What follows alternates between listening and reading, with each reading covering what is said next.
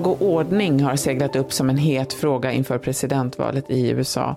Protesterna mot polisvåld fortsätter sedan en polis i Wisconsin sköt den 29-årige afroamerikanska mannen Jacob Blake i ryggen.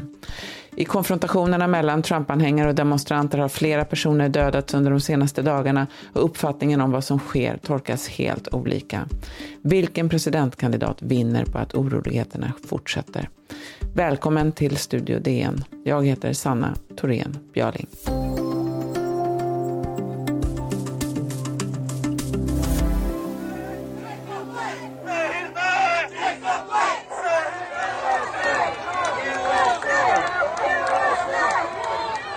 Ja, president Donald Trump möts av både motståndare och supportrar när han anlände till Kenosha i Wisconsin, dit han kom trots vädjan från guvernör och borgmästare om att avstå för att inte ytterligare öka spänningarna. Trump är som bekant en polariserande figur. Demonstrationer och protester mot polisvåldet i USA har pågått sedan i början av sommaren med skiftande intensitet. På flera håll har de lett till våldsamma motsättningar mellan demonstranter och Trumpanhängare. I Kenosha, där protesterna har fortsatt in på nätterna, dödades två antirasister i skottlossning och en 17-årig har gripits för, det, eh, för den händelsen. Oron har spritt sig till andra platser runt om i USA, som Philadelphia, Oakland och Portland, där en 39-årig Trump-anhängare har dödats. Björn Ahlén, du är DNs USA-korrespondent. Den här vågen av protester började i slutet av maj i samband med att George Floyd sköts till döds i Minneapolis. Du, varför håller de här protesterna i sig? Jag tänker att de håller i sig därför att det som man protesterar mot, eh, polisens övervåld, fortsätter och att det fortsätter komma tydliga exempel på det. Och att eh, de här sju skotten i Jacob Blakes rygg framför hans tre barn är ytterligare bensin på vågorna. Eh, sen tror jag också att det fortsätter för att den här rörelsen har formulerat radikala politiska krav på hur polisen bör stöpas om som gör att det finns en politisk relevans att fortsätta belysa den. Men också att det finns en svans eh, som eh, är mer intresserad av att förstöra egendom och plundra och eh, den har i sin tur fått moteld från olika Trump-grupperingar, vilket gör att bråken fortsätter i annan regi, om man säger så. På flera håll har man ju utlyst utegångsförbud nattetid, men det här bryts ju ganska ofta. Så har man sett de här konfrontationerna då, de senaste, under en ganska lång rad nätter, med olika typer av högerextrema element och grupper som säger, säger sig då vilja skydda byggnader och skydda människor. De här protesterna eller de här olika grupperingarna, hur, hur organiseras de? De organiseras väl digitalt, alltså Black Lives Matter i sig en vitt förgrenad rörelse utan tydlig ledargestalt och utan liksom, tydlig ideologi förutom att svarta liv ska uppvärderas och även de här Trump-grupperingarna består ju till sin kärna av få individer men som tar tillfället i akt och känner vind i seglen för att Trump uttalar sig positivt om dem. Just det. Den, den här mannen som dödades i Portland, han tillhörde till exempel en grupp som kallar sig för Patriot Prayers, en konservativ liten sammanslutning. Vilka är de? Men en sån typisk eh, grupp som själva betraktar sig som någon slags milis som eh, är intresserad av att bevara vapenrätt, vilket man uppfattar som hotat, att stå upp för yttrandefriheten som man tycker att Demokraterna och Black Lives Matter utgör ett hot mot och som har någon slags vag religiös patriotisk plikt men som plötsligt blir en makt fullkomligt därför att Trump säger att de är legitima och gör ett viktigt arbete och får sina 15 sekunder av berömdhet. Presidenten då, när han besökte Kenosha häromdagen, han har ju eh, sagt sig vilja ena landet, han vill hela, han vill eh, han beklagar för de här, eh, de här familjerna som har varit utsatta, men han fokuserar ju väldigt mycket då också på de här förstörda byggnaderna, eh, på sabotage. Han har använt ett ganska grovt språkbruk, ganska grovt språkbruk och talat om inhemsk terrorism och vänsterextremism, snarare än på liksom den underliggande rasismen som finns i USA.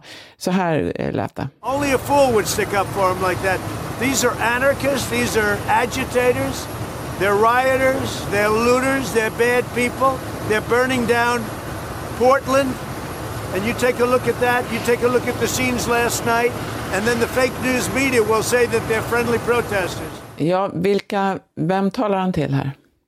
Han talar till de 35 procent av amerikanerna som stödjer honom nästan oavsett vad han säger eller inte säger, eller gör eller inte gör. Alltså en påfallande ointresserad av att försöka tilltala en större del av USA i sin reaktion på de här händelserna. Alltså han reste till eh, Wisconsin eh, nu i veckan utan att ens ha fått något inbjudande av varken guvernören eller eh, borgmästaren och han säger att systematisk rasism eller strukturell rasism, det de protesterar mot, inte finns. Eh, han är bara intresserad av att sätta ljus på den här lilla svansen av eh, det som man kallar för terrorister, de som förstör egendom, de som eh, gå till våldsamt angrepp mot motdemonstranter och så. Det är, det, han säger att det här handlar om dem och det eh, är de flesta amerikaner överens om att det inte gör. Det finns ett ganska starkt stöd för polisreform mot polisens övervåld, men han tar ju inte det i sin mun överhuvudtaget. Och han nämner inte heller att FBI i sina kartläggningar av hoten mot säkerheten inne i USA pekar ut högerextrema grupper som det största hotet. Vi ska strax tala mer om oroligheterna i USA och hur de kan påverka valkampanjerna.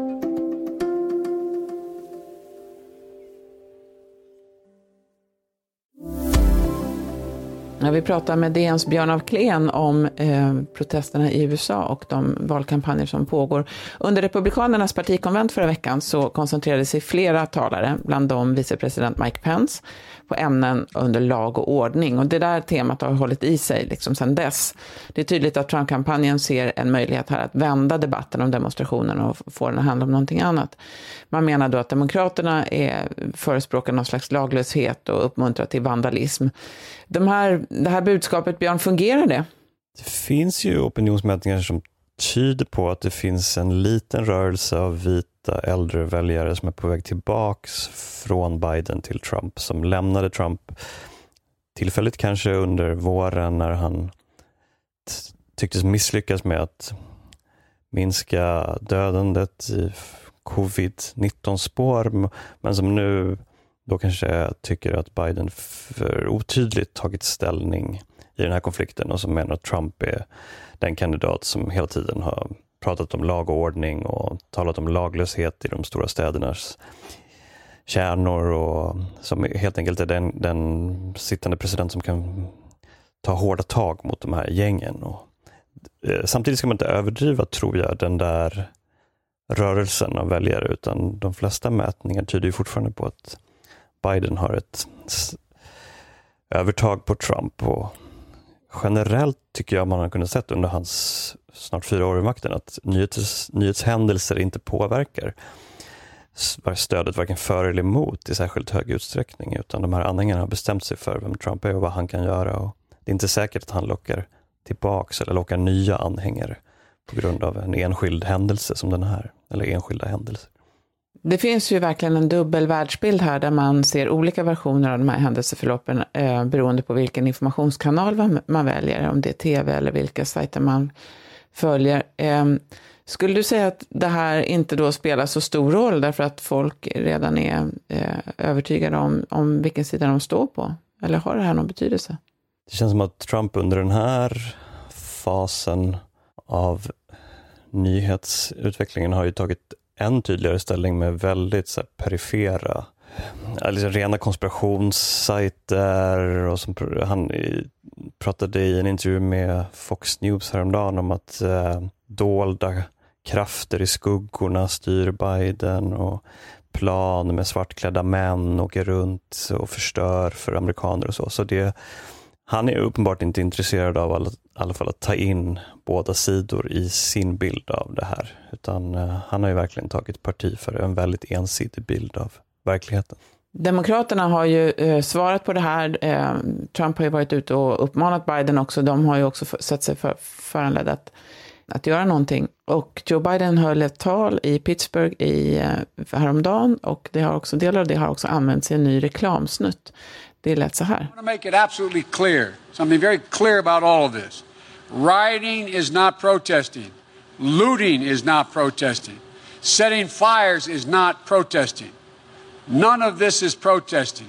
It's lawlessness, plain and simple. And those who do it should be prosecuted. Men det är ju någon slags balansgång här ändå för Joe Biden. Vad, vad har han och hans kampanj förhålla sig till? Ja, de förhåller sig till att Demokraterna är, är ett väldigt brett parti och det finns en extrem falang som vill eh, i princip slopa polisen helt. I till exempel Minneapolis har man röstat för att eh, avskaffa börja avskaffandet av polisen och istället inrätta någon slags eh, fredsgarde som ska ta över deras roll. Eh, och samtidigt finns det naturligtvis en bred amerikansk befolkning som tycker att polisen gör ett viktigt jobb, så han måste på något sätt eh, tilltala båda de här väljargrupperna, medan Trump i ökad utsträckning bara tilltalar en liten minoritet av det amerikanska folket.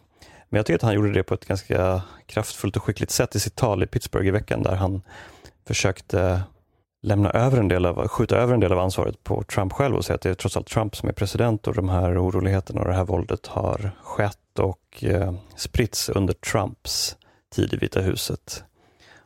Och eh, om jag är president så kommer jag ta ställning både mot demonstranternas övervåld och förstörelse, men också mot bad cops, som man säger, dåliga poliser och en osund kultur inom polisväsendet. Du är inne på det lite, att folk är ju ganska, vet ju ganska väl vilket läge de så att säga, tillhör här. Det handlar ju mer om kanske mobilisering och trovärdighet. Um, tidigare eh, decennier så har man sett att när polisvåld är på tapeten, det här är enligt Pew, så ökar valdeltagandet bland demokraterna. Eh, men när det finns protestvåg, en protestvåg som är på gång och våldet kommer från, från demonstranter, då ökar valdeltagandet bland republikanerna. Så man kan ju fråga sig vilka väljare som eh, så att säga mobiliseras hårdast här av det som händer. Vet du om man har sett någonting om det än? Om, hur, om man ser engagemanget i, kring de här frågorna? Jag har inga siffror på det, men känslan när man tar del av väljares synpunkter på sociala medier och i andra medier och man ser hur många som är ute på gatorna är ju att båda grupper verkar mobiliseras av det här så kanske det tyder på att det blir ett ovanligt högt valdeltagande. Det vore i så fall en bra sak, tänker jag. Eh, Trump besökte ju inte Jacob Blake där han ligger på sjukhus i eh, Wisconsin när, han, när Trump var där. Eh, han är då delvis förlamad, men han lever ju trots allt. Och det är många som har dödats, i, i, som har skjutits i sådana här situationer, har ju inte klarat sig. Och Jacob Blake kommer ju vara en av de första kanske som av allt att döma kommer att kunna ge sin egen version av det som hände. Eh, finns det några, vad hoppas Black Lives Matter-rörelsen på det här? Jag vet inte om man kan säga att Black Lives Matter hoppas på ett entydigt budskap från honom eller hans familj. Men det är klart att de här händelserna fortsätter spela stor roll och det krävs att människor kommer fram och berättar om vad som har hänt för att det ska fortsätta. Men hans familj har ju varit tydlig med precis som jag tror delar av eh, anhöriga till George Floyds familj har sagt att förstörelse och våld är inte ett sätt som vi välkomnar. Vi vill inte att våra familjemedlemmar ska hedras genom revolution, utan vi vill ha en, en fredlig väg framåt och man har åberopat liksom medborgarrättsrörelsens förgrundsfigurer som Martin Luther King och John Lewis och sagt att eh, samförstånd och enande är det vi vill se av den här rörelsen. Tack Björn och Clem. Studio DN görs av producent Sabina Marmelakai, exekutiv producent Augustin Erba, ljudtekniker Patrik Miesenberger och teknik Jonas Lindskog, Bauer Media. Jag heter Sanna Thorén Björling.